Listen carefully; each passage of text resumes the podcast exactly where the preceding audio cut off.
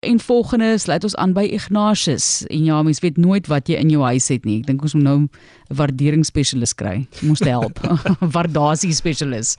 Verlies, jy weet kombuiskuns is waaroor dit gaan. Nou Vrydag was Ronelde Jager hier by ons met haar ongelooflike mooi versierde suurdeegbrood.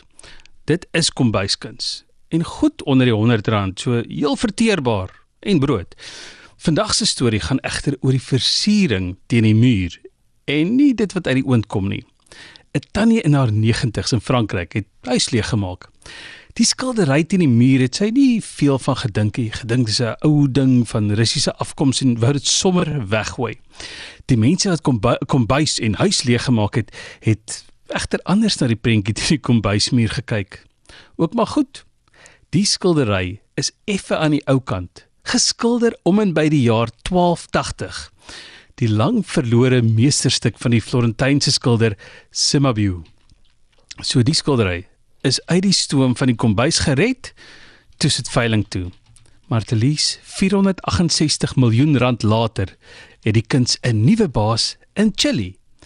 Nou dink jy seker as poestertjie verhaal, einde van die storie, geen haan sal daarna weer kraai nie. Maar hoe ken jy die haane van Frankryk? Toe nie. Anders as die Franse tannie, besef die Franse regering die waarde van die kuns en nie net die waarde van die belasting op die transaksie nie. Na die verkoop sê hulle toe, "Hæ, daai prentjie gaan nêrens nie." Die Louvre kry toe 30 maande om die nodige geld bymekaar te skraap om te sorg dat die prentjie hangplek kry daar onder hulle dak. Hoewel daar toe vir die skildery betaal is en hoeveel daar betaal is, is so onbekend soos die bedrag wat Trevor Noah vir sy toerisme advertensie betaal is. Maar die Cimabue skildery gaan in die Louvre bly en vorm deel van die Lente 2025 uitstalling langs 'n ander Cimabue werk. Die een wat reeds in die Louvre was, eerder as die kombuiskuns, het restaurasiewerk nodig om vars te lyk in Lente 2025.